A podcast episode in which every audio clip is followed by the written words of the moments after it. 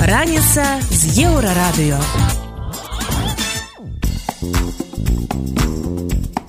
Добрай раніцы вітаем вас на еўрарадыё. Пачынаем праграму раніца з еўрарадыё, штодзённае шоу пра важныя падзеі, якія ўплываюць на жыццё беларусаў. Галоўнае на гэты момант. Мус пахвалілася кадровым резервом у 5 тысяч детей. Ну и родителям это не очень нравится, что дети зачем-то автомат собирают, разбирают. И я говорю именно о детях, а не подростках или будущих э, призывниках. Беларусы летась набрали кредитов на 32 миллиарды. В то же время, э, если все-таки инфляция будет э, ускоряться цены будут расти, я думаю, что Центральный банк будет, естественно, на это в любом случае реагировать.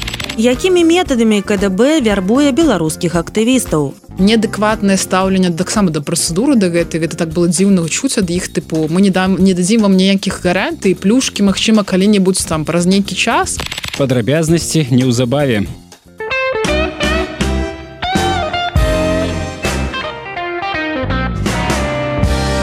Еўрарадыё.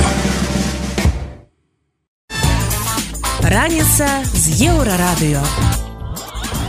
Лукашэнкаўскі міністр унутраных спраў курбакоў надойчы пахваліўся, што ў вайскова-патрыятычныя клубы яго ведомства па ўсёй беларусі запісалі 5 тысяч хлопчыкаў і дзяўчынак. Ён лічыць іх сваім рэзервам і спадзяецца так забяспечыць міліцыю кадрамі. У нашай краіне дзейнічае 135 аб'яднанняў, якія ўзніклі пры удзеле мус, але падобныя арганізацыі ствараюць і іншыя сілавыя структуры. Іх выкарыстоўваюць не толькі для падрыхтоўкі кадраў у міліцыю, але і для ідэалагічнай апрацоўкі моладзі, каб не паўтарыўся з 2020, калі пратэсты падтрымалі і маладыя беларусы. Дзеля гэтага арганізуюць сустрэчы з прапагандыстамі, напрыклад, ігорам марзалюком ці ксеніяй лебедзевай, а таксама з расійскімі наймітамі вагнераўцамі, каб тыя відаць падзяліліся досведам. Сітуацыю з патрыятычнымі клубамі медыаэксперт Паўлюк быкоўскі параўноўвае з савецкім перыядам, але не бачыць перспектывы ў такой стратэгіі ў 21 стагоддзе. Вось што ён расказаў у эфіры проекта Маланка медыа. Во времена моего детства в пионерском лагере играли в озорницу и не задумывались, что бы это значило. А сейчас, в принципе,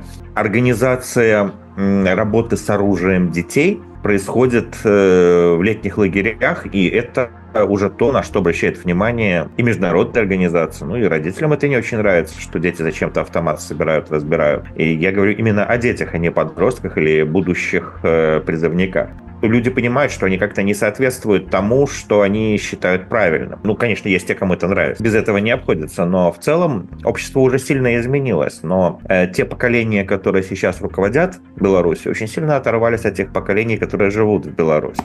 Праўда, калі пачаць ідэалагічную апрацоўку з дзяцінства, то можна вельмі моцна сказіць усведамленне рэальнасці чалавека. І самае небяспечнае, што такая апрацоўка набывае ў цяперашняй Беларусі ўсё большыя маштабы. Раніца з еўрарадыё. Далей у праграме раніца з еўрарадыё. Беларусы летась набрали кредитов на 32 миллиарды. В то же время, э, если все-таки инфляция будет э, ускоряться и цены будут расти, я думаю, что Центральный банк будет, естественно, на это в любом случае реагировать. Якімі метадамі КДБ вярбуе беларускіх актывістаў? неадэкватнае стаўленне таксама да працэдуры да гэтай гэта так было дзіўна чуць ад іх тыпу мы не дам не дадзім вам ніякіх гарантый плюшкі Мачыма калі-небудзь там праз нейкі час Падрабязнасці хутка не пераключайцеся.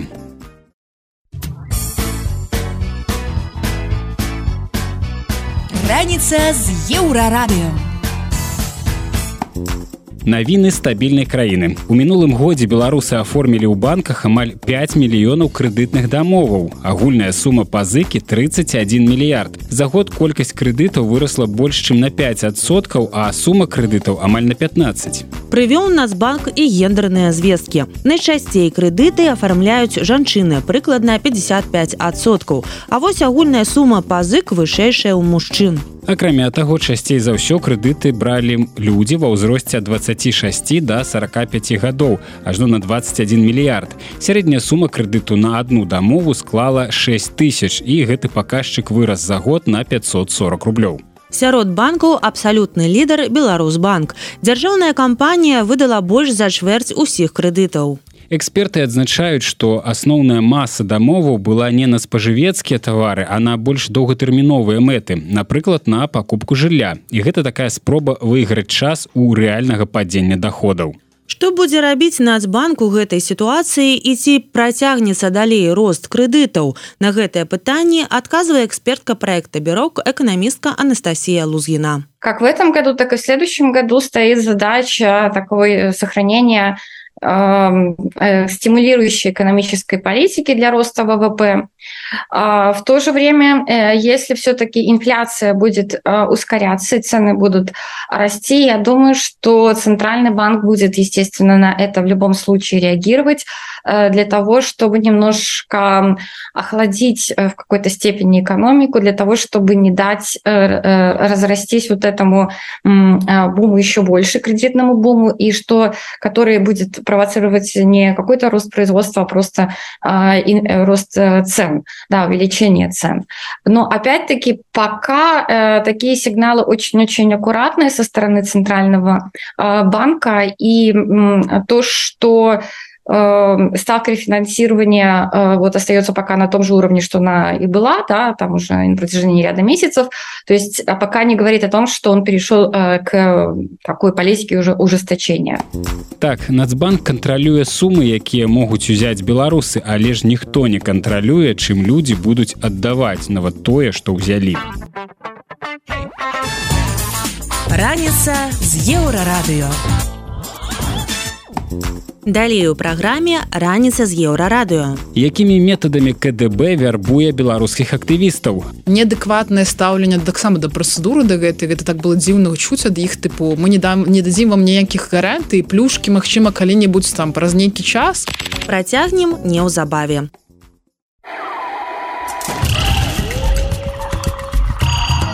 Раніца з еўрарадыё.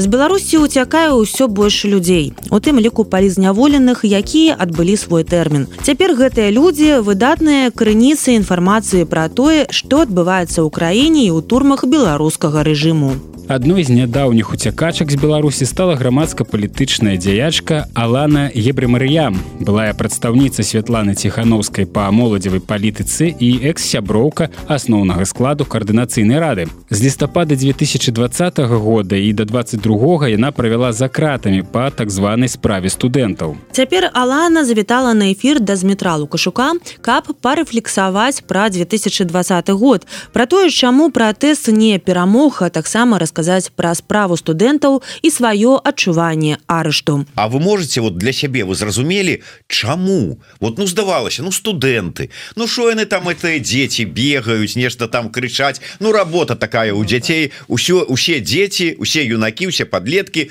ва ўсіх пакаленнях заўсёды былі ў пэўным сэнсе так такія. Чаму я вас не пагаджуся з думкай что гэта было неяк нечакана на самой справе я абсолютно разумела что з першага верасня да і агулам да гэтага было мне вядома что падрыхтоўваюцца розныя мітынгі акцыі э, пасля ну выбарчай кампаніі пачатку выбарчай кампаніі да дня менавіта галасавання 9 жніўня что ребята гатуюцца до першага верасня і ўвогуле да далейшых дзеянняў каб все ж таки калі все ж таки выборы будуць там неправільны подлічаны да. Э, лукашенко застаецца прэзідэнтам каб таксама выказаць сваё э, нежаданне да незгоду. Э, і далей о, з першага верасня і э, далей былі мітынгі акцыі э, выступленні якія дастаткова шмат набіралі і ахопаў і ну вядомасці э, публічнай тому что студэнты студэнткі падышлі максімальна крэатыўна да гэтага і яны выходзілі кожны дзень у адрозненне ад розных розных груп іншых сацыяльных. Гэта было громко гэта было маштабна перыядычна. Я памятаю что у звычайны дзень могло быць больш за 500 чалавек ва універсітэце які выходзілі і выказвалі сваё меркаванне наконт таго што адбываецца ў краіне зараз і гэта людзі якія арганізаваліся устачкамі калі яшчэ ну ніхто па сутнасці не заклікаў арба ну арганізоўваць вось гэты забастовачны ну забастовачны рух ладзіць стачки. Тады еще не было такого месседжа. Ребят уже распрасоўвалі гэтую канцэпцыю на будучыню у сваіх універсітэтах і мне здаецца для мяне гэта было з тым что я бачыла что ёсць уже затрыманне адміністрацыйныя студэнтаў студэнтак ёсць ужо адзінкавыя крымінальныя я чакала что будзе пагаршэнне павышэння рэпрэсій у тым ліку аб гэта маякавала і ў крэдэнцыйнай радзе і офісе на той ну на той момент у штабе ціхановскай аб тым што трэба больш дапамогі шукаць для гэтых ну для гэтай групы студэнтаў студэнтак тому што будуць адлічэнні будуць хуткія ад'езды будуць пошукі там не веду канспіратыўнага жылля спробы знайсці юрыдычную кансультацыю па розных пытаннях. Там і якая была рэакцыя? Алармістка на той момант гэта не лічылася я б сказала таким востра сацыяльным тому что у той момант затрымлівалі больш актыў гэта ініцыятыў ініцыятыўныя групы гэта каардынатары штабоў гэта бліжэйшае кола кандыдатаў прэзідэнта. І тады гэта ўспрымалася як быццам бы ведаеш я спрабую прагназаваць штосьці да что во што ніхто не хоча поверыць mm -hmm.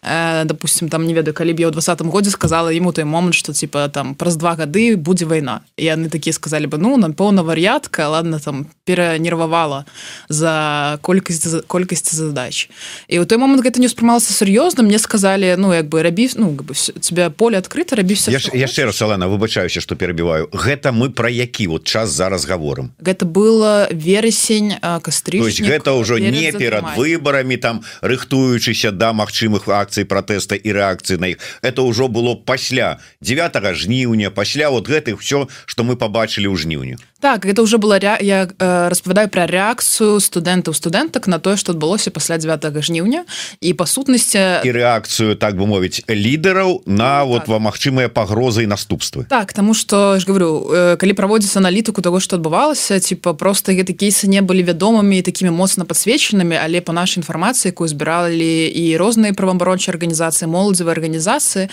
а затрыманні былі ўжо і адміністрацыйныя крымінальныя і людзей выклікалі ў КДБ людзей таксама затрымлівалі просто гэта не была открытая інфармацыя ну таксама людзі не хадзілі направо налево не говорили ой меня раз затрымлівалі КДБ пагражалі там крымінальнай справы нет а, але ну у меня была было такое пачуццё у меня інтуіцыя подказывала что трэба шукаць больш магчымасцю не шмат падтрымки было ў гэтым накірунку ну бывало так что я сидела увесь дзень сама шукала магчымыя і фінансавыя сродкі па сябрах і сяброўках шукала і нейкія адукацыйныя магчымасці частка конечно партнёраў гэта была ад офіса ад каардынацыйнай рады з якімі можна было звязацца і спрабаваць пераве ну правесці перамовы пра наступствы магчымыя і пра дапамогу студэнткам з месцамі у замежных універсітэтах. І тады шукалі месцы дзе можна схаваць людзей і кансультавалі юрыдычна і на сапраўды я лічу што яны велічэзныя малайцы для мяне гэта справа не была нечым ну таким не здзіўляльным тому что я чакала рэакцыю улады на такой моцны выхлоп і на страх того что гэтыя людзі да маладыя гэта самыя такія непослухмянымі складаны кіраваць ну что яно буду рабіць далей але э, мне ўсё ж таки цікава твоя ацэнка э, дзейнасці рэакцыі і увогуле карыснасці э, ад э, ну тых людзей тых структур якія мусілі ну взять на сябе лідарскія функцыі. Гэта і э, коаардынацыйная рада і штаб Светланы тихохановскай Ну і можа быть там іншыя там нейкім чынам э, праяўляліся не праяўляліся той же самы там став штаб цепкала ці можа быть штаб бабарыкі. Вот яны вот якая была их реакция можно было сказать что яны вот нешта там все ж таки распрацоўваюць нешта рыхтуются ці это была разгубленность и такая будем дзейнічаць по абставінах Ну тут мне трэба удакладніць э, реакцыя конкретно на что на тое что на тое я... что адбываецца на тое что ты вот ужо э, бачыла на, на тое про что ты папярэджвала на тое что адбывалася вакол на вуліцах вот як яны себе паводзе ты ўсё ж таки э, чалавек які э, с лідарскімі задаткамі і якая была ў гэтай сістэме вот і э, там 18 год мы ўзгадывалі з адзіночання то есть ведала як кіраваць іх што рабіць А вот як яны дзейнічалі? Я могу сказаць что э, на той момант я не ведаю як зараз э, быў такі як бы спробы уладкаваць хаос тому что ну паўсюль быў хаос да і трэба было выпрасоўваць хутка рашэнні і стратэгіі на на кароткі перыяд і на доўгатэрміновую перспектыву. І гэта не заўсёды было штосьці ведаеш э, ну на тое что можна выдаткаваць шмат часу да там ці пасядзець і тыднямі думаць про тое э, як мы будзем дзейнічаць у выпадку там не ведаю калі э, все ж таки там лукашенко вырашыць перамовы да? Тут трэба было нейкія хуткія рашэнні прымаць і перыядычна за рэпрэсіі які адбывались за навін дастаткова ну жорсткіх і нечаканых э, людзі Я думаю что на гэта больш канцэнтраваліся з гэтай структуры які ты пералічу гэта там кс штаб у якіх я была да? Э, мне со мной как бы былі заўсёды на кантакце да? Я распавядала что адбываецца распавядала э, аналітыку па затрыманнях па ну зваротах да мяне колькі людзей колькі кансультацый на якую тэму які патрабаванні ёсць студэнтаў зараз да які патрэбы. Эм, і ці будуць яны удзельнічаюць народным ультыматамі да ці хочуць яны ўвогуле нейкай сустрэчы да каб меркаваць так каб была зваротная сувязь. І такія спробы даведацца былі пастаянна просто пытанне аб тым што ресурсаў агулам не хапала на ўсё. І моладзевы накірунку той момант не был прыярытэтным як мне здаецца да ну с з таго што я магу вось зараз ужо ацэніць і таму не было нейкага не фінансавай нейкай дапамогі не дапамогі нейкай з пошукам экстранных варыянтаў там выезда тому что тады пайсол я калі памятаю пачынаў уже працаваць але гэта таксама ведаеш не было штосьці структурнае моцна як зараз.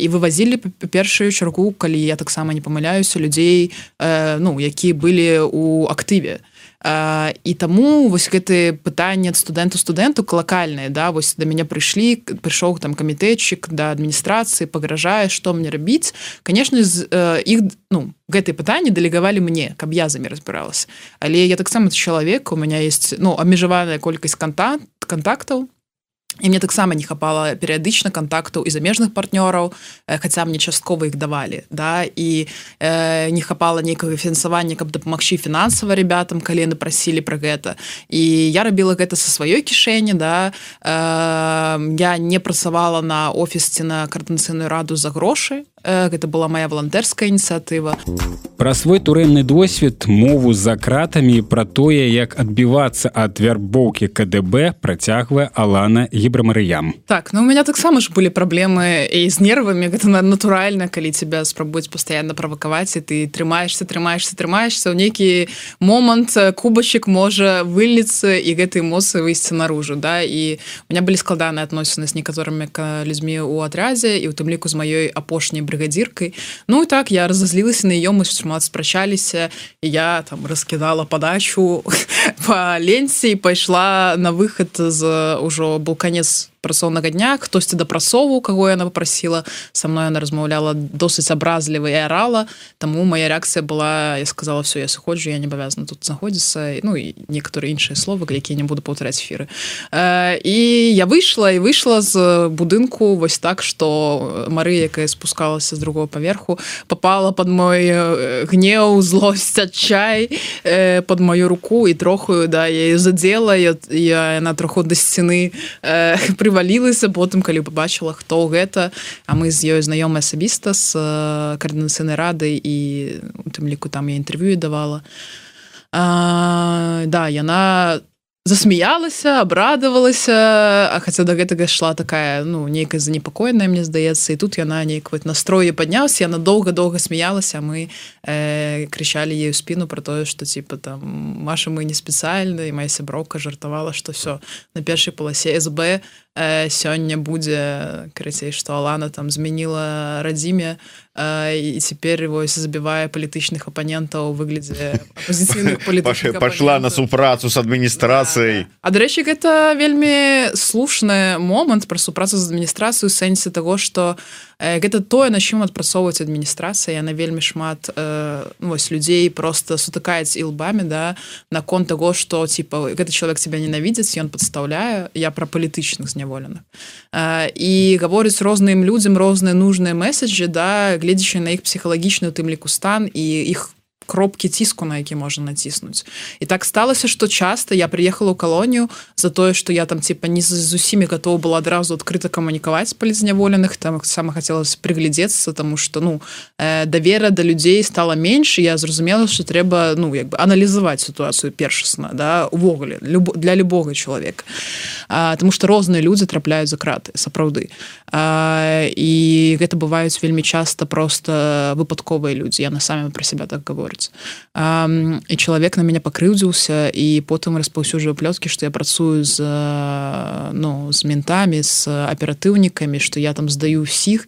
І вось часта гэта мне такую перад'яву кідалі вельмі часто падчас мае сіткі што вельмі крыўдна тому что такого ніколі не было я такого ніколі не рабіла за сваё жыццё і заўсёды спрабавала любыя моманты нават калі я не вытрымлівала нейкага ціску э, на себя нагаварыць але не нагаварыць на больш ні на кого а, ці просто промаўчаць але вось такая была тэндэнцыя і дагэтуль я атрымліваю перыядычна ад людзей які выйшлі што вось а як вы пускаеце там сМ я наш людзей здавала да а я перыядычна хадзіла да адміністрацыі тому что прасілі асуджаныя. Э, дзяўчыны палізняволеныя э, пагаварыць наконт нейкага пытання які хвалююць які баюцца задаць і ну гэта можа быць за ціску за не ведаю адмовы хадзіць у клуб да што заўгодна і ну я наступала себе на горло ішла размаўляць мне было таксама непрыемна некомфортна дзесьці балюча выслухоўваць за гэта ўсё але ну я спрабавала атрымаць планку і спрабавала неяк дамовіцца з гэтымі людзьмі нічога не распавядаючы пра ўсіх людзей і пра сябе таксама Лана мы э, с тобой знаёмыя з якого там з 18 -го года ці з 19 так. где-то так. Я ведаю что ты заўсёды прынцыпова была беларускамоўная. А ў калоніі? У калоніі нет тому что я спрабавала спачатку па-першае тады вельмі моцна сталі пагражаць некаторым не ўсім людзям да некаторым людзям да якіх былі пытання да мяне спачатку былі пытанні як да ўсіх ну тому что маю некаторых людзей папярэдзілі да і яны перадалі мне што мяне чакае ў калоніі калі я была ў сеза да, перадалі э, я абсалютна гэта разумела галавой з тымі нейкімі ну регаліямі да якія ў меня ёсць э, якая можа у меня быць сітуацыя унутры і у той момант я была настолькі стомленая пасля супраціву з сезашнай адміністрацыі то э, тому что валадарка у меня такой этап э, хал крушить. Ну тыпу я там ногами двери выносить дзверы выносила сидела на проверках орала вечна штосьці там нейкіе разборки э, наконт сябе наконт іншых я вельмі стамілася і калі приехала ў калонію у нейкі момант мне сказали ну что калі ты хочешь далей оказаться по гэтаму за гэтай гэтаму шляху якую опісвала які вядзе до 411 плюс тады уже мне сказали что на мне новыя справы до 12 год по справе кс і штаба ціхановскай і сказали калі ты хочешь ты можешь ну але мы тебе уже адразу говорим что будзе далей. І ў гэты момант я зразумела что я буду карысней напэўна для людзей для сябе калі захаваю себе то захаваю себе плюс-мінус хаця бы на нейкі адсотак здаровай і у свядомым нейкім стане і я дапамагала людзям на месцы а не рызыкавала пастаянна хаця з людзьмі з некаторымі мы размаўлялі по-беларуску і ну про гэта потым аператыўнікі ведалі і таксама про гэта ну як сказаць пагражалі да што будуць наступствы але ну нічым гэта не скончылось Дарэчы, вось, Александр кабанаў які сядзеў у адной калоніі з Віктором бабарыка рассказываў про той рэжым які там адміністрацыя устроіла для бабарыкі что забаронена было с астатнім зняволеным з імі камунікаваць кантактаваць по-любому там нават павітацца. І павітаўся ўжо сам ляцішу шиза мне потым рассказывалі что зараз у апошнія часы под такое же самое блізка потрапіў і Макссім знак. Мачыма іншыя вось знакавыя такія палітвязні. У выпадку с вашай вашай калоніі і с Марыяй калеснікавай было такое не? а Марыя Калеснікова была ізале у той момант у ізаляцыі 18 атрядзе зараз я не ведаю яна знаходіцца ў гэтым ну сэнсе што ці яна дагэтуль адносіцца да гэтага атряда да я наш у ПКТ знаходзіцца калі все сапраўды так як мы спадзяваемся да што все з ёй добра спадзяемся яна была ізаляцыі палітвязняў іншых не было з ёй яна была одна.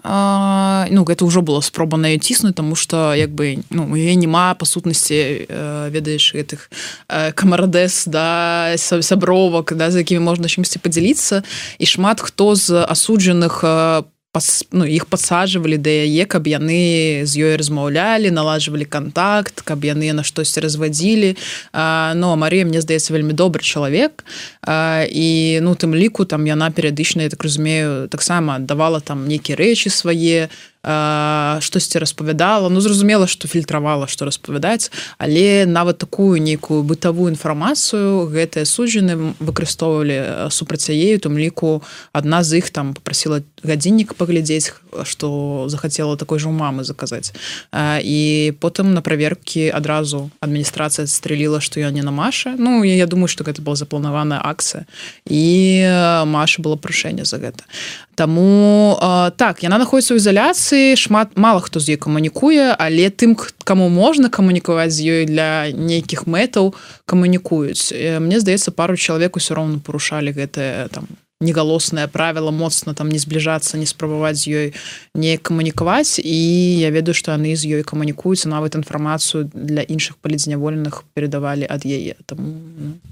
так а на заканчэнне два моманты. Першы ад мяне другі вот будзе пытанне ад нашага гледача. Я ўжо пісаў гэта ў анонсе пазначыў потому не магу как бы не агушыць ты рассказывала про тое як уже по вызваленні цябе там спрабавалі завербаваць гэбісты.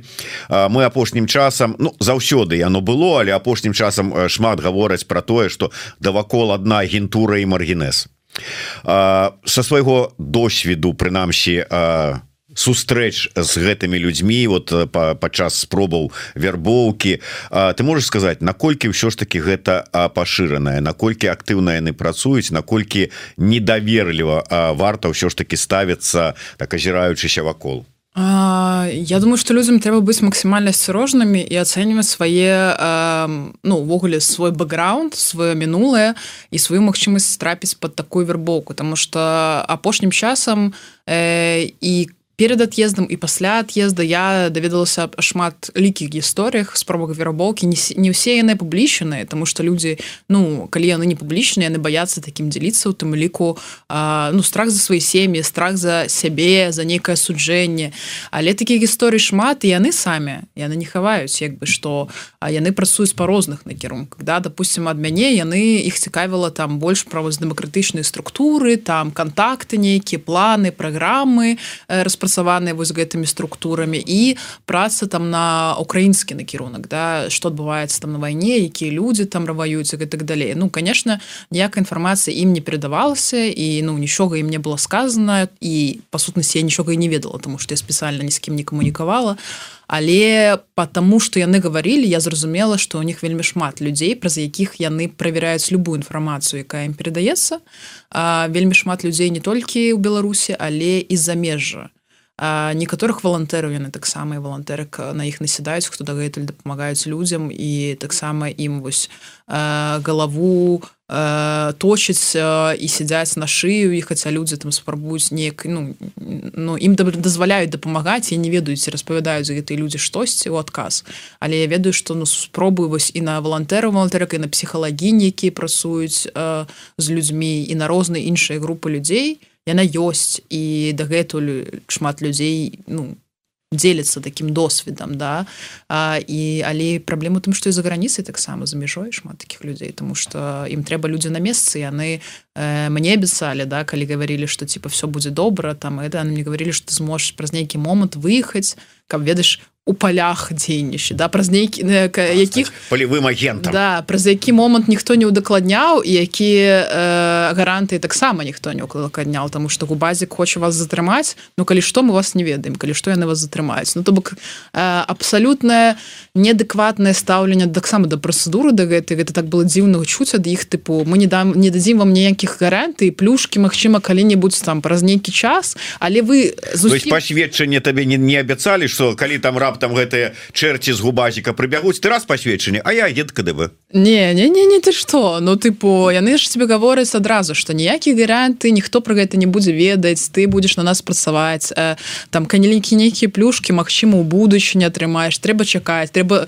ну даць здаць же на інфармацыі напрацаваць нейкую базу каб яны да цябе давер атрымалі і э, яны самі ж тебе пагражаюць что ну ты распавядаеш камусьці табе кірдык Таму нет. Конечно з гэтымі людзі трэба быць вельмі асцярожнымі і думайце з кім і што вы гаварыце і на якія паведамленні вы адказваеце ставце двухфактарную аўтэнтыфікацыю і прыбірайце з беларускіх нумароў телеграм Гэта былі наш рэдактор зміцер лукашук і грамадская актывістка Алана ебрамарыям. Яны пагаварылі пра справу студэнтаў 2020 года і пра тое чаму ў турмах беларусі беларуская мова небяспечная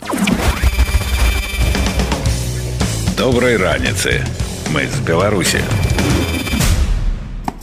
далей у праграме раніца з еўрарадыё немцы малююць планы нападу рассіі на нато. Лукашенко змяняе законы аб мабілізацыі чаго чакаць прынпе дзяржава у вайне і яна будзе ў вайне заўсёды яна будзе таксама трымаць грамадства ў напрузе патэнцыйнай вайны і увязвання беларуская удзельніца конкурсу міс Еўропа учыніла скандал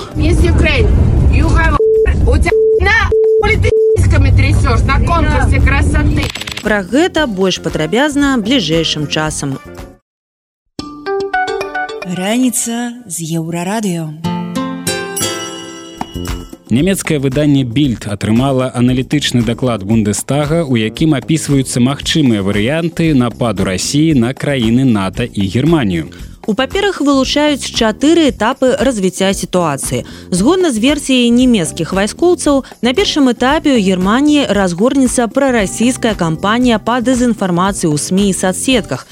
Адначасова з гэтым могуць пачацца хакерскія атакі і акцыі сабатажу на аб'ектах крытычнай інфраструктуры. На другім пачнецца сцягванне расійскіх войскаў да межаў зната. У адказ альянс адправіць дадатковыя войскі на ўсход. Расія будзе спрабаваць атакаваць нямецкі нямецкія водаправоды хімічныя прадпрыемствы і атамныя рэактары. А вось далей прымяненне канвенцыйнай і неканвенцыйнай зброі на тэрыторыі фрг. У выніку магчымы перанос баявых дзеянняў на тэрыторыю германії і вайна ў космосе То бок нагнятанне сітуацыі ідзе з абодвух бакоў. Пакуль на захадзе малююць мапы і будуюць версіі развіцця падзей, у Беларусі і рассіі рыхтуюць вайскоўцаў і змяняюць заканадаўства, каб было прасцей аб'яўляць мабілізацыю. Адпаведныя законы ў нашай краіне былі прыняты на гэтым тыдні. Як такія захады можна інтэрпрэтаваць у эфіры праекта свабода прэміум разважае эксперт фінскага інстытута міжнародных спраў рыгор ніжнікаў. Нет, я зараз не бачу таких перадумоў. Я все ж таки думаю, что хутчэй за ўсё тут э, две асноўныя прычыны. Першая гэта увогул стан э, беларускай дзяржавы, яе мілітарызацыя і секюрытызацыя. То есть мы бачым, што в прынцыпе дзяржава ў вайне і яна будзе ў вайне заўсёды і она будзе таксама трымаць грамадства ў напрузе патэнцыйнай вайны і увязвання. А по-другое гэта змены у прынцыпе тое, што, беларускія военные то что вядома іх сябры так званые у России подказали им гэта змены які проходят з мобілізацыяй як у России так в принципе Украине. Яны тое что ёсць недахопы у старой сістэме тое что необходимо неабходна з імі бороться і мадэрнізаваць сам прынцып мобілізацыі і яго інструменты гэта тое что можно сказать такі у урок які вывучылі э, расійскія вайскоўцы і тое што беларускія іх таварышы пераймаюць. Самае сумнае што ўсе навокал пачалі ўпэўнена гаварыць пра вайну як аксіёму. І што без яе ўжо не абысціся. Еўрарадыё. Далей у праграме раніца з еўрарадыё беларуская удзельніца конкурсу міс Еўропа учыніла скандал политическими трясешь на конкурсе красоты. Падрабязнасці неўзабаве. Еўрарадыё. Паслухаў, распавядзі сябру. Скандал на конкурсе прыгажосці мисс Еўропа беларуская удзельніца Ірына Масімович накінулася на украінскую прадстаўніцу мілену мельнічук. Інцыдэнт адбыўся ўжо пасля фіналу калі канкурсантак везлі ў аўтобусе. Сама ахвяра зняла на відэа паводзіны беларускі і апублікавала ролик у сацыяльных сетках. Вось фрагмент гэтага запісу. Watch the video. Miss Ukraine, you have. У тебя сиськами трясешь на конкурсе красоты. Вот ты, Украина, которая говорит говно. Украина что? Ты голыми сиськами вышла трясти. Какого хрена ты приехал на конкурс красоты? Нет. Нет? Нет. Because? No? Yes. Alas, Ukraine. You go home and you take your crown. Finish. апынулася што гэта толькі частка хейту які абрынуўся на прадстаўніцу ўкраіны па яе словах падобнае стаўленне было з боку арганізатараў ды расійскай дэлегацыі яны пастаянна спрабавалі звесці расіянку і украінку разам каб прадэманстраваць некае сяброўства паміж імі а калі мілена адмаўлялася пагражалі дыскваліфікаваць у конкурсе якраз перамагла прадстаўніца рассіі роза гадзіева беларуска заняла трэцяе месца але прадстаўніца Украіны сцвярджае, што гэтыя месцы дэлегацыі купілі. Трэцяе быццам за 5000 долараў перамогу за 20. Як адрэагавалі на скандал арганізатары, пакуль невядома. Але можна ўявіць, як будуць радавацца айчынныя прапагандысты. Для іх нецвярозая беларуская міс стане сапраўднай гераіней. Раніца з еўрарадыё.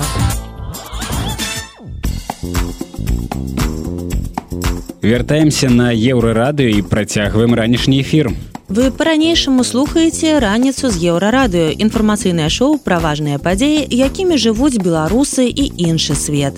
І вось што цікавага мы распавядзем далей. Навошта рэжым пачаў вайну супраць ЛГБТ і чайлдфры. Ну во-первых, вра... власть ищет врагов. Чаму вайна толькі на руку лукашэнку? Беларуская дзяржава паказвае, што яна ў стане вайны. Беларус параўнаў турмы ў Беларусі і ў Даніі. Лукашенко впервые делал. Ну, Лукашенко впервые это единственный мой Лукашенко и, наверное, и, наверное, самый крутой. Пра гэта ды інша больш падрабязна цягам бліжэйшай гадзіны.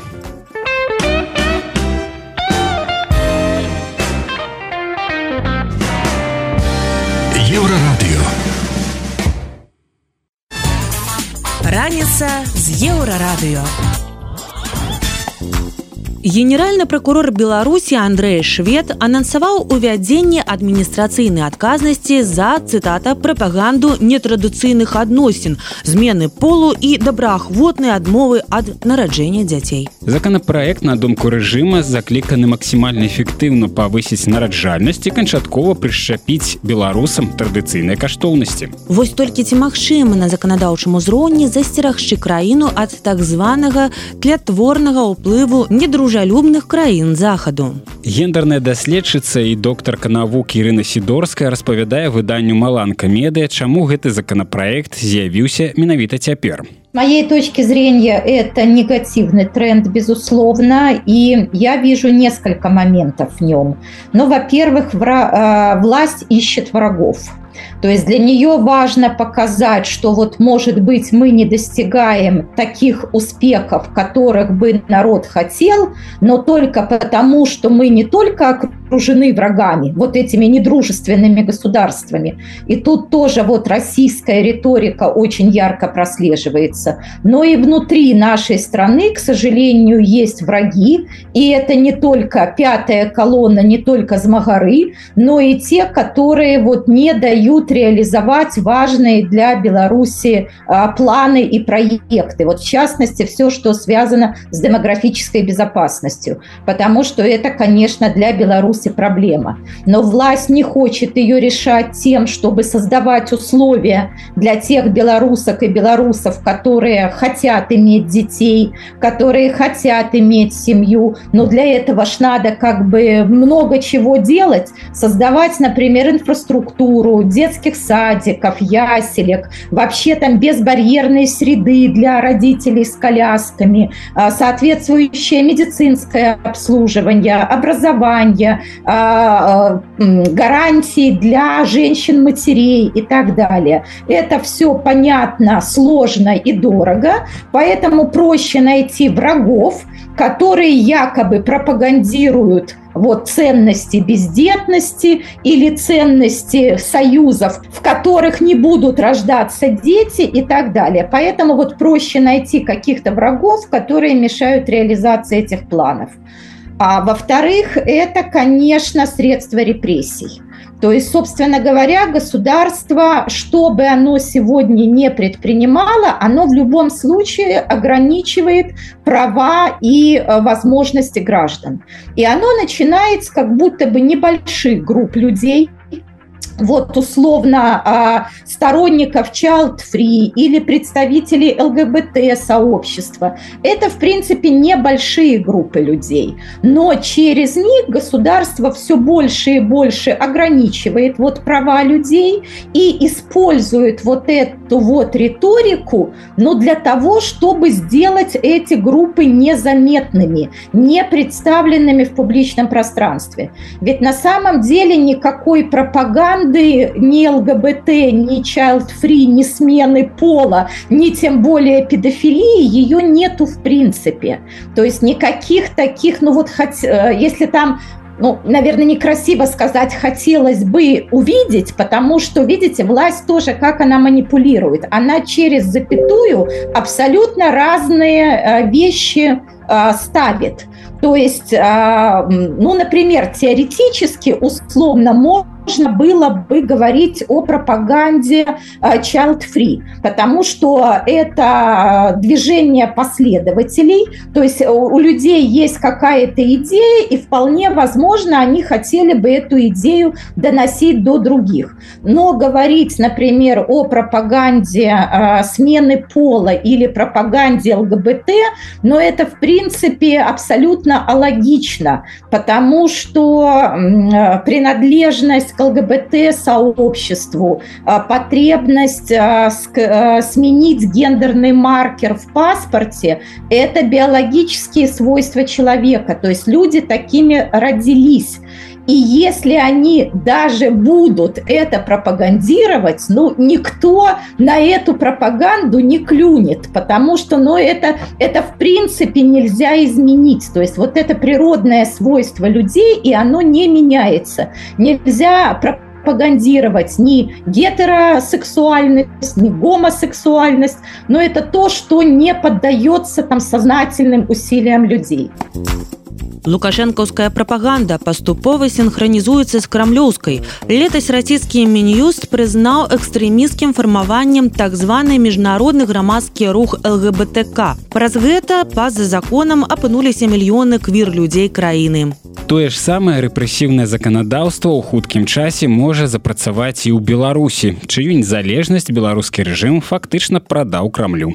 Якія наступствы чакаюць беларускіх квир-людзей, працягвае тлумачыць Ирина Сидорская. Ну и да, это, в общем, стремление сделать этих людей невидимыми в публичном пространстве, потому что они вовсе никакой пропагандой не занимаются, но они хотят быть представленными в публичном пространстве. То есть, ну, как на любые другие люди, они хотят, чтобы у них была возможность а, показать себя, рассказать о своих проблемах, рассказать там о каких-то своих достижениях, то есть, ну, быть видимыми в публичном пространстве, в медиапространстве, как и все другие граждане и гражданки. Это их как бы, ну, полное право. Однако вот власть в их лице видит как бы тех, кто мешает реализовывать свои цели, и она, значит, их локализует в какие-то группы и объявляет неестественными, ненормальными и э, закрывает перед, ним любую, перед ними любую возможность быть видимыми. Вообще Беларусь многое, к сожалению, сегодняшнее делает именно по примеру России. И вот вся эта антигендерная риторика, она пришла оттуда. А, поэтому вполне возможно, что гайки будут завинчиваться дальше. Но здесь надо как бы иметь в виду, что с точки зрения репрессий Беларусь-то уже, в общем-то, перещеголяла Россию. А, она уже большее время на этом пути и достигла больших успехов. В Беларуси признаны экстремистскими все реальные а, группы людей, организации, конкретные люди и так далее. А, ну, вполне возможно, что дальше как бы белорусская власть пойдет и по приданию экстремистских статусов несуществующим как бы группам, вот, а, в том числе ЛГБТ. Но э, белорусский режим и так уже очень много сделал для того, чтобы люди в Беларуси не могли ну вот не имели права голоса, не могли высказывать то, что они думают, что для них важно, а за что они борются и так далее. Идея о том, что преследование ЛГБТ-сообщества может э, потом иметь и, уголовную, э, и уголовный срок, она реальна.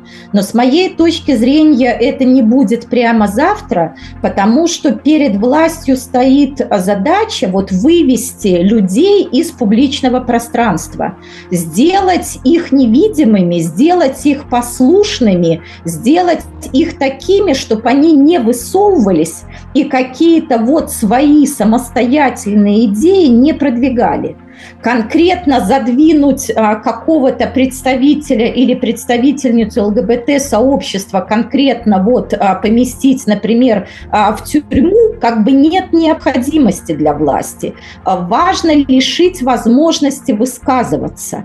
И это не обязательно даже критика власти. Это уже давно прошло. А в принципе какая-то самостоятельная позиция, которая не является повтором повтором того, что говорит государство. Потому что власть сегодня идет вот от авторитаризма к тоталитаризму, а тоталитарность это уже мало, когда ты просто не говоришь против. Ты, если открываешь рот, должен только говорить то же, что говорит государство. Поэтому задача, мне кажется, у режима именно такая, вот сделать этих людей невидимыми и неслышимыми, ну і пока этого достаточно. Мы слухали Ірыну сідорскую гендерную даследчыцу і доктарку навук. Яна распавяла навошта Лукашенко дыскрымінуе беларусаў з ЛГБТК і чайлдфры супольнасць і як гэта звязана з крамлёўскай прапагандай. Раніца з еўрарадыё. Далей у праграме раніца з еўрарадыё. Чаму вайна толькі на руку лукашэнку? Беларуская дзяржава паказвае, што яна ў стане вайны. Беларус параўнаў турмы ў Беларусі і ў Дании. Лукашенко впервые делал. Ну, Лукашенко впервые это единственный мой Лукашенко и, наверное, и, наверное, самый крутой. Працягнем пасля навінаў спорту. Раніца з еўрарадыё.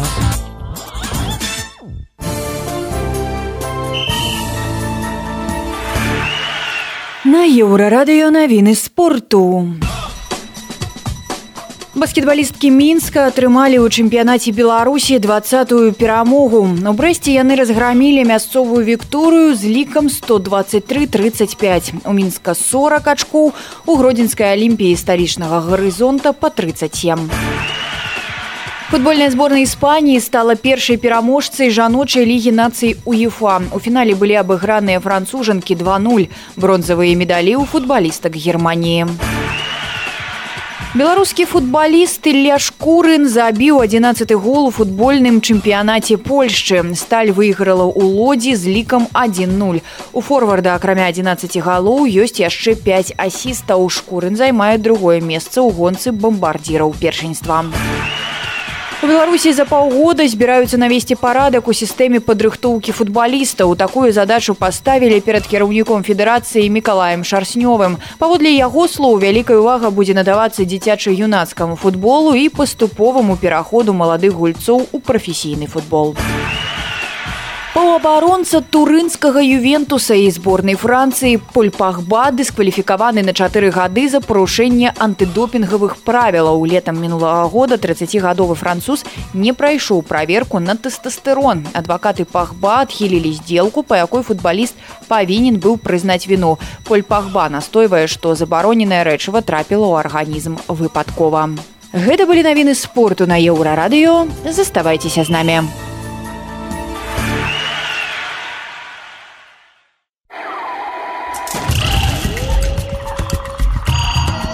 Раніца з еўрарадыё.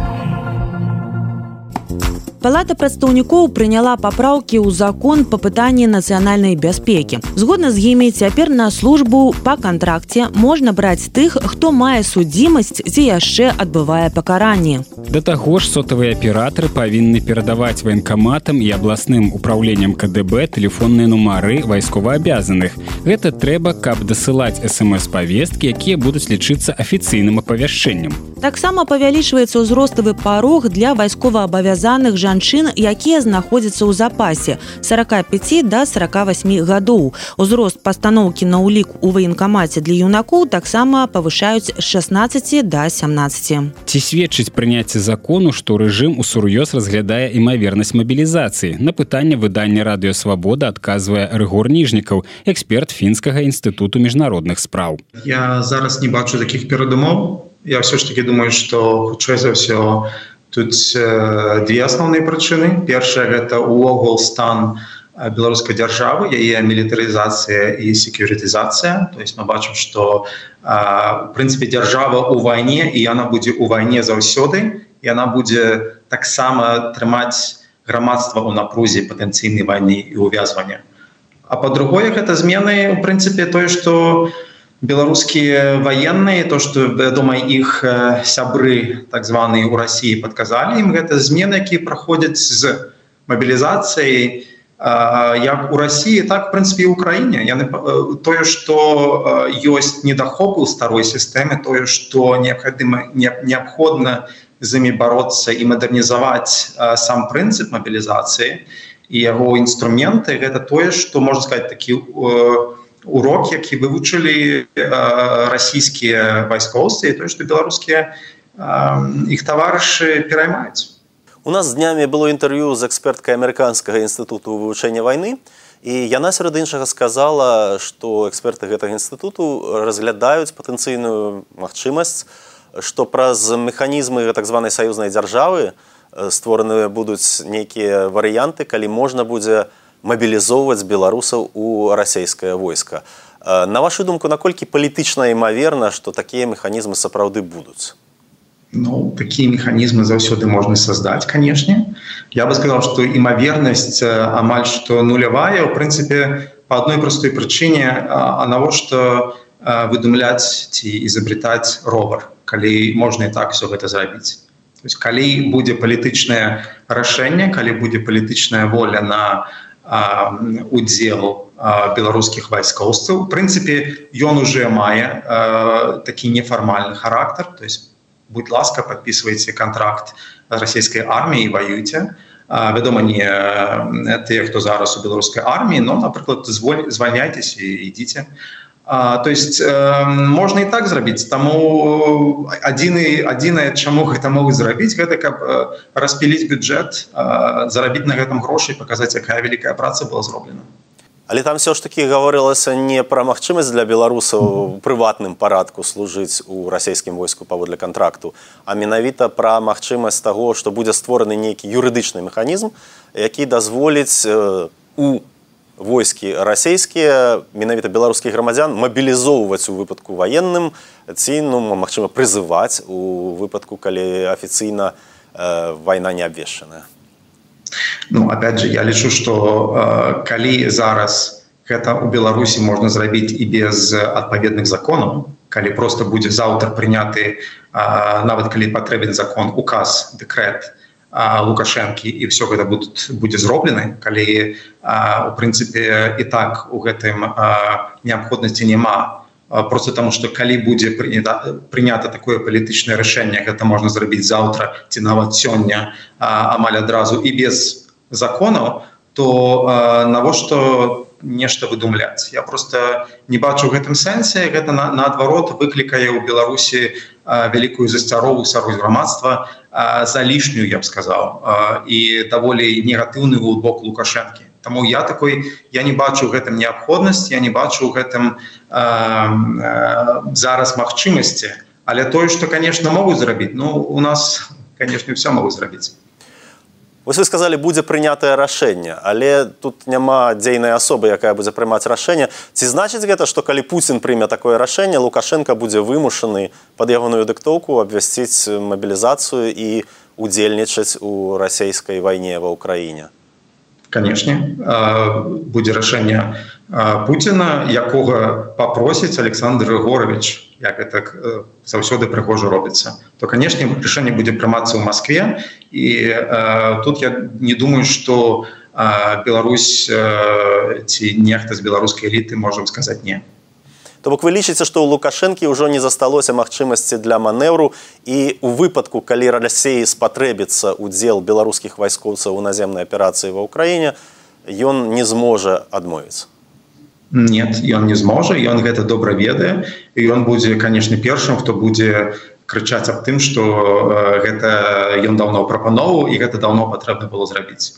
Вядома што для беларусі гэта будзе і для лукашэнкаўскага рэжыма даволі катастрафічным рашэннем тому что гэта вельмі сильно дэстабілізуе сітуацыю ў краіне і таму я лічу что ў гэтым зараз няма рэзона для России то есть Россия не хоча создаваць яшчэ одну а, такую тэрыторыю яшчэ одну такую кропкую неспакою ці нават можна сказать стыхійнага бунту патэнцыйнага на які трэба будзе бросаць ресурсы Таму зараз я не бачу ў гэтым неабходнасці. Калі гэта неабходнасць настане і под якімі умовамі гэта іншая справа. Але у бліжэйшым будучыні не я не бачу такой верагоднасці. Верагоднасць амаль верагоднасці амаль няма.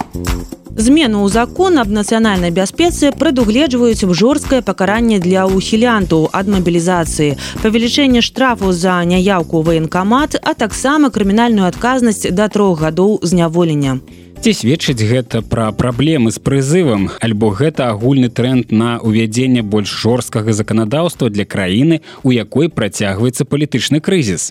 Зноў пры мікрафоне рэгор ніжнікаў. Да гэта хутчэй за ўсё просто як стан беларускай дзяржавы якая актыўна у прынцыпе мілітарызуецца секюрытызуецца. То есть мы бачым патрыятычныя клубы і вось гэтыя розныя скажем так жывёлаахвотнічай арганізацыі якія маюць зараз як ТРО робяць і даюць ім зброю. То есть беларуская дзяржава показвае што яна ў стане войны і пужае гэтым таксама беларускае грамадства показваючы што мы ў стане войны але мы не воюем і таму дзякуйце нам і канешне гэта таксама э, свайго рода такі эківок у бок Москвы показваючы што мы на выглядзеце мы робім тое самае што і вы э, у тым у тым ліку у войску. То есть вы усільваеце на э, пакаранне за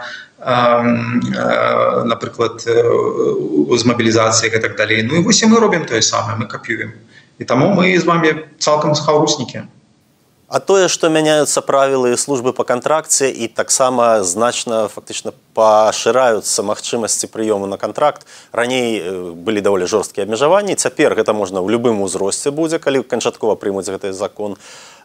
Па-другое, не толькі ў любым узросце, але змогуць прымаць на службу паводле кантракту людзей, якія маюць судзімасць, якія таксама былі ў месцах зняволення і людзі якія ўхіляліся ад тэрміновай вайсковай службы гэта сведчыць пра тое што хочуць павялічыць вось ты кантынгент кантрактнікаў што не хапае кантрактнікаў ці вы бачыце іншыя прычыны? Ну, гэта вельмі цікавае пытанне.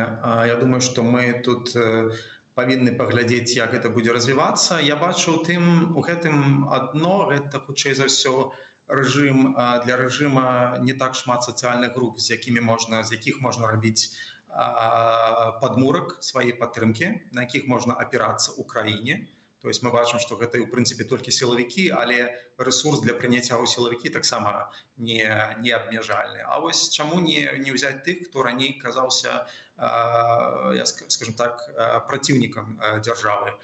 Чаму на іх не аперацыя як гэта в прынцыпе рабіла Росія но іншае пытанне канешне у тым что А вось калі мы патэнцыйна паглядзім што вось такія кантрактнікі чаму іх пасля ці пасля по контракту ці по нейкім іншым чынам ось мы іх просто натрэніруем абучым і патэнцыйна якраз такі яны могуць стаць для Росіі нейкай апорай может і якраз такі такія людзі калі яны будуць у іх будзе патрэба то таких людзей можна будзе паслаць у Росію а не звычайная то есть я, я бачу тут розныя варыянты і я не бачу пакуль пакуль дзяржава не пачне не пакажа нам як гэта будзе выкарыстоўвацца тут цяжка казаць як як наколькі верагодным той ці іншым. З намі быў рэгор ніжнікаў эксперт фінскага інстытуту міжнародных спраў. Ён патлумачыў сутнасць паправак у закон аб нацыянальнай бяспецы і распавёў ці разглядае рэжыму сур'ёз магчымасць мабілізацыі беларусаў раніца з еўрарадыё. Далей у праграме раніца з еўрарадыё беларус параўнаў турмы ў беларусі і ў даніі. Лукашенко впервые делал. Ну, лукашенко впервые это единственный мой лукашенко и наверное и наверное самый крутой. Працягнем пасля навінаў шоу-бізу доброй раніцы мы з беларусі шоу-біз Боже. Вітаю гэта навіны шоу-бізу. Песня 10 мільёнаў рабов гурта аддай дарогу прызнаная экстрэміскай адпаведнае рашэнне прынятае судом гомельскага раёна 21 лютага. Лям Ніса надыграе галоўную ролю ў рэмейку крымінальнай камедыі голы пісталлет. Таксама карціна атрымала дату прэм'еры 18 чэрвеня 2025 года. Пра гэта паведамляе IGN. Сюжэт арыгінальнага фільма расказвае пра подзвігі лейтенанта паліцыі Фрэнка Дрэбіна, які спрабуе раскрыць гнюсную змову з мэтай забойства каралевы Елізаветы другой у лос-анджелесе. Дэталі новага сюжэту трымаюцца ў сакрэце за выключэннем таго, што Нісан згуляе сын сына дэтэктыва Фрэнка Дрэбіна, які працягвае яго справу.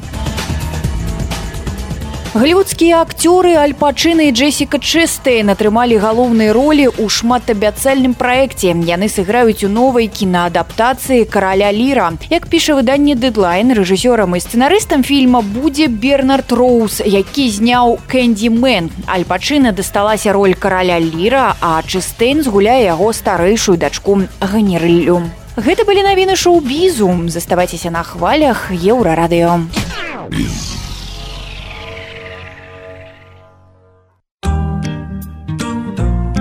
Раніца з еўрарадыё. Наш наступны герой Артём. Ён правёў у зняволенні значную частку жыцця. У Беларусі сумарна адсядзеў 10 гадоў за наркотыкі, а ў Даніі знаходзіўся за кратамі год і два месяцы. І ў Беларусі ў Даніі хлопец працаваў татуіроўшчыкам. Беларус настойва, што ў Даніі не здзяйсняў злачынства, у якім яго абвінавацілі. Кажа, спыніўся пераночыць у хаце таварыша і не ведаў, чым той займаецца. Уначы ў хату наляцела паліцыя і знайшла ў гаражы крадзеныя аўтамабілі. Па гэтай справе Артёма затрымалі, а потым прасудзілі пакаранне. Ён адсядзеў амаль увесь тэрмін і за гэты час змяніў шэсць турмаў. Пра працу татуіроўшчыкам у зняволенні Артём распавёў выданню мост медыа. Тут ну я тоже рисовал, знаешь, просто так, чтобы руки разминать, вот всякие там картинки, то есть вот, всякие девушек, да, ну потому что вот девушек рисовал много разных там. Ну, для меня это э, больше тренировка, понимаешь, тренировка э, рук всяко вот этот рисовано. Будут сейчас э, рисунки с историями, я ну, дойду до них, но пока вот то есть вот такое. Ну, карандаши, то есть обратно же у меня взяли вот приблизительно такое же э, количество вот э, моих рисунков, просто мент как меру воздействия взял, схватил, выкинул в мусорку, ну, потому что я как-то с ним немножко не мог объясниться. Вот эту вот я сделал э, Молдавану, Марину, которую вот я рассказывал, что ему сидели в Орхусе с ним вместе, вот этот вот именно ему сделал вот сюда вот на ногу. Ну, это один из них. А вот этот я полицейскому рисовал. Вот эта распечатка, вот это он себе сделал на, на бочину. Вот такие разные прикольчики. Это вот, это знаешь, ну в Дании что острова, все там одни острова, архипелаг. Вот я сиди везде маячки там эти. Вот почему-то меня эта тема вот, э, понравилось маячки порисовать. Ну, вообще мне графика нравится. Я обожаю графику вот такого плана. Вот такие вот классные. Такие мне нравятся. Вот так. А это вот, ну, это вот эта вся наша тема. Вот я э, себя могу, меня вот можно назвать ну, двухкассетной, потому что, слушай, мне 40 лет уже. Вот можно ну, двухкассетник сказать. Ну да, ну ты двухкассетный, ну и понимаешь, ну, молодежь не поймет это. Вот так. Ну, вот это вот рисовал лого для э, банды, банды Команчес, ну, это банда байкеров, которые, ну, собственно, то есть международные такие байкеры, они занимаются не только тем, что на мотоциклах ездят, а еще преступлениями различными, то есть наркотики, что у них наркотики, оружие такие. Вот это, то есть, ну, то, тоже, ну, это обратно же эскиз, то есть под, подлога это, то есть там уже закончил. Ну, надеюсь, то есть там босс вот этот вот командчество, я с ним познакомился, он просил меня нарисовать татуировку ему, с, связанную с, с их клубом. Вот, ну и, собственно, я ему, ну, это, ну, это только начало, то есть, а там я ему дал законченную, сказал, обязательно приеду к тебе в Польшу ее сделать. Ну, потому что я уже в Данию не могу 12 лет въезжать. Вот так. Ну, мне депортацию дали на 12 лет за все эти истории. Это вот ему на, на на мотоцикл, на бензобак тоже Команчес такой вот. Вот. Ну, это уже, это уже душевная такая тема. Жги систему. Хрю, и вот, ну, это, я не знаю, там, схватит камера, не схватит камера. Ну, вот это э, голова свиньи в милицейской фуражке и с копытками сзади такой вот веселый Роджер. Ну, это фламинго. Вот так может такого рода. Такие картиночки всякие маленькие. Ну, насколько это понятно будет кому-то, ну, то есть, я не знаю, но, но ну, мне нравится. Знаешь, знаешь, рисуешь и рисуешь тоже там, ну, я, ну, как бы для себя, то есть не то, что там для кого-то рисовал, рисуешь для себя, чтобы, чтобы ну, чем-то, чем-то заниматься там, ну, чтобы, чтобы с ума не сойти. Ну, в этом, потому что сидишь, сидишь постоянно в этой камере, ну, один, и хочется, хочется что-то делать, ну, если вот рисовать умеешь, рисуешь, кто-то спортом занимается. Классика вот это вот э, тюремная, ну, ну как бы уже постсоветского и советского времени. Ну, вот. Тыповую камеру у Даніі Артём апісвае як пакой у хостэле ложак, стол, тумбачка, настольная лямпа, тэлевізар. У асноўным камеры адзіночныя, але бываюць і на дзве асобы. Пры гэтым стасункі паміж зняволенымі магчымыя, прычым нават паміж мужчынамі і жанчынамі. А калі даходзіць да сексу, то зняволеным не перашкаджаюць. Некаторыя ўмовы ў розных турмах могуць адрознівацца. Дзесьці ежу гатуюць кухары, дзесьці установа абслугоўвае служба кейтерынгу. Артём працягвае распавядаць пра свой турэмны досвед.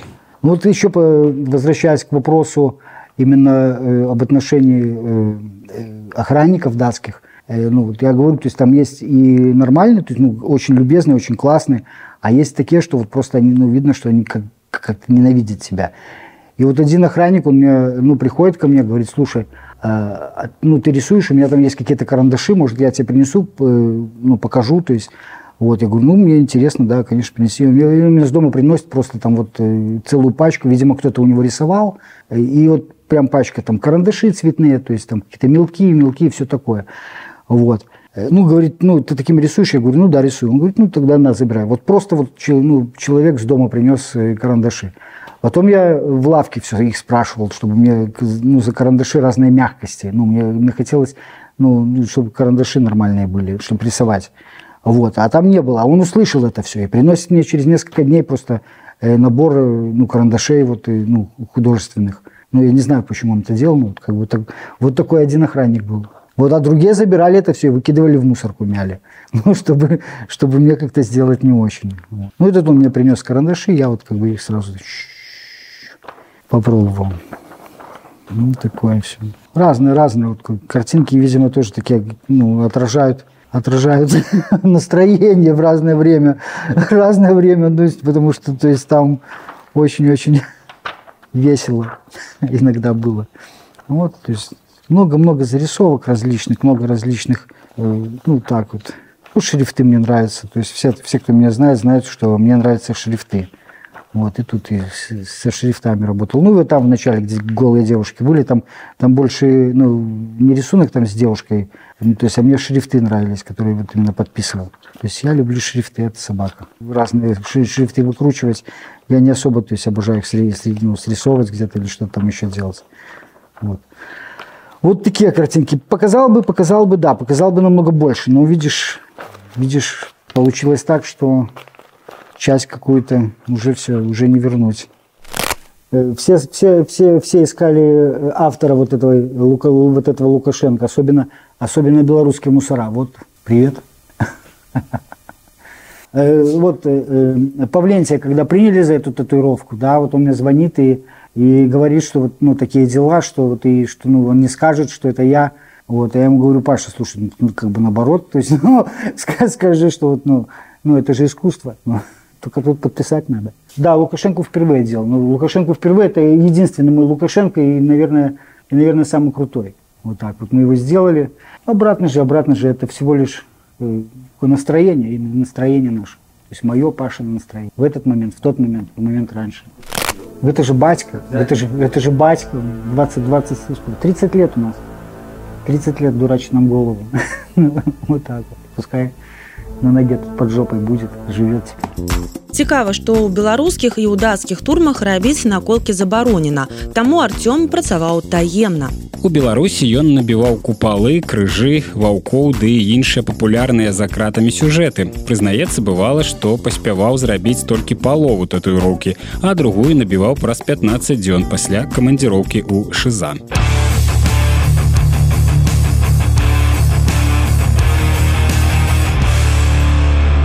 Еўрарадыё Гэта былі самыя важныя навіны сэнсы раніцы з еўрарадыё. Заўтра ранкам мы зноў распавядзем вам пра галоўнае, што адбываецца ў краіне і свеце. Сустракаемся ў той жа час у тым жа месцы. Беражыце сябе. Пачуемся. Раніца з еўрарадыё.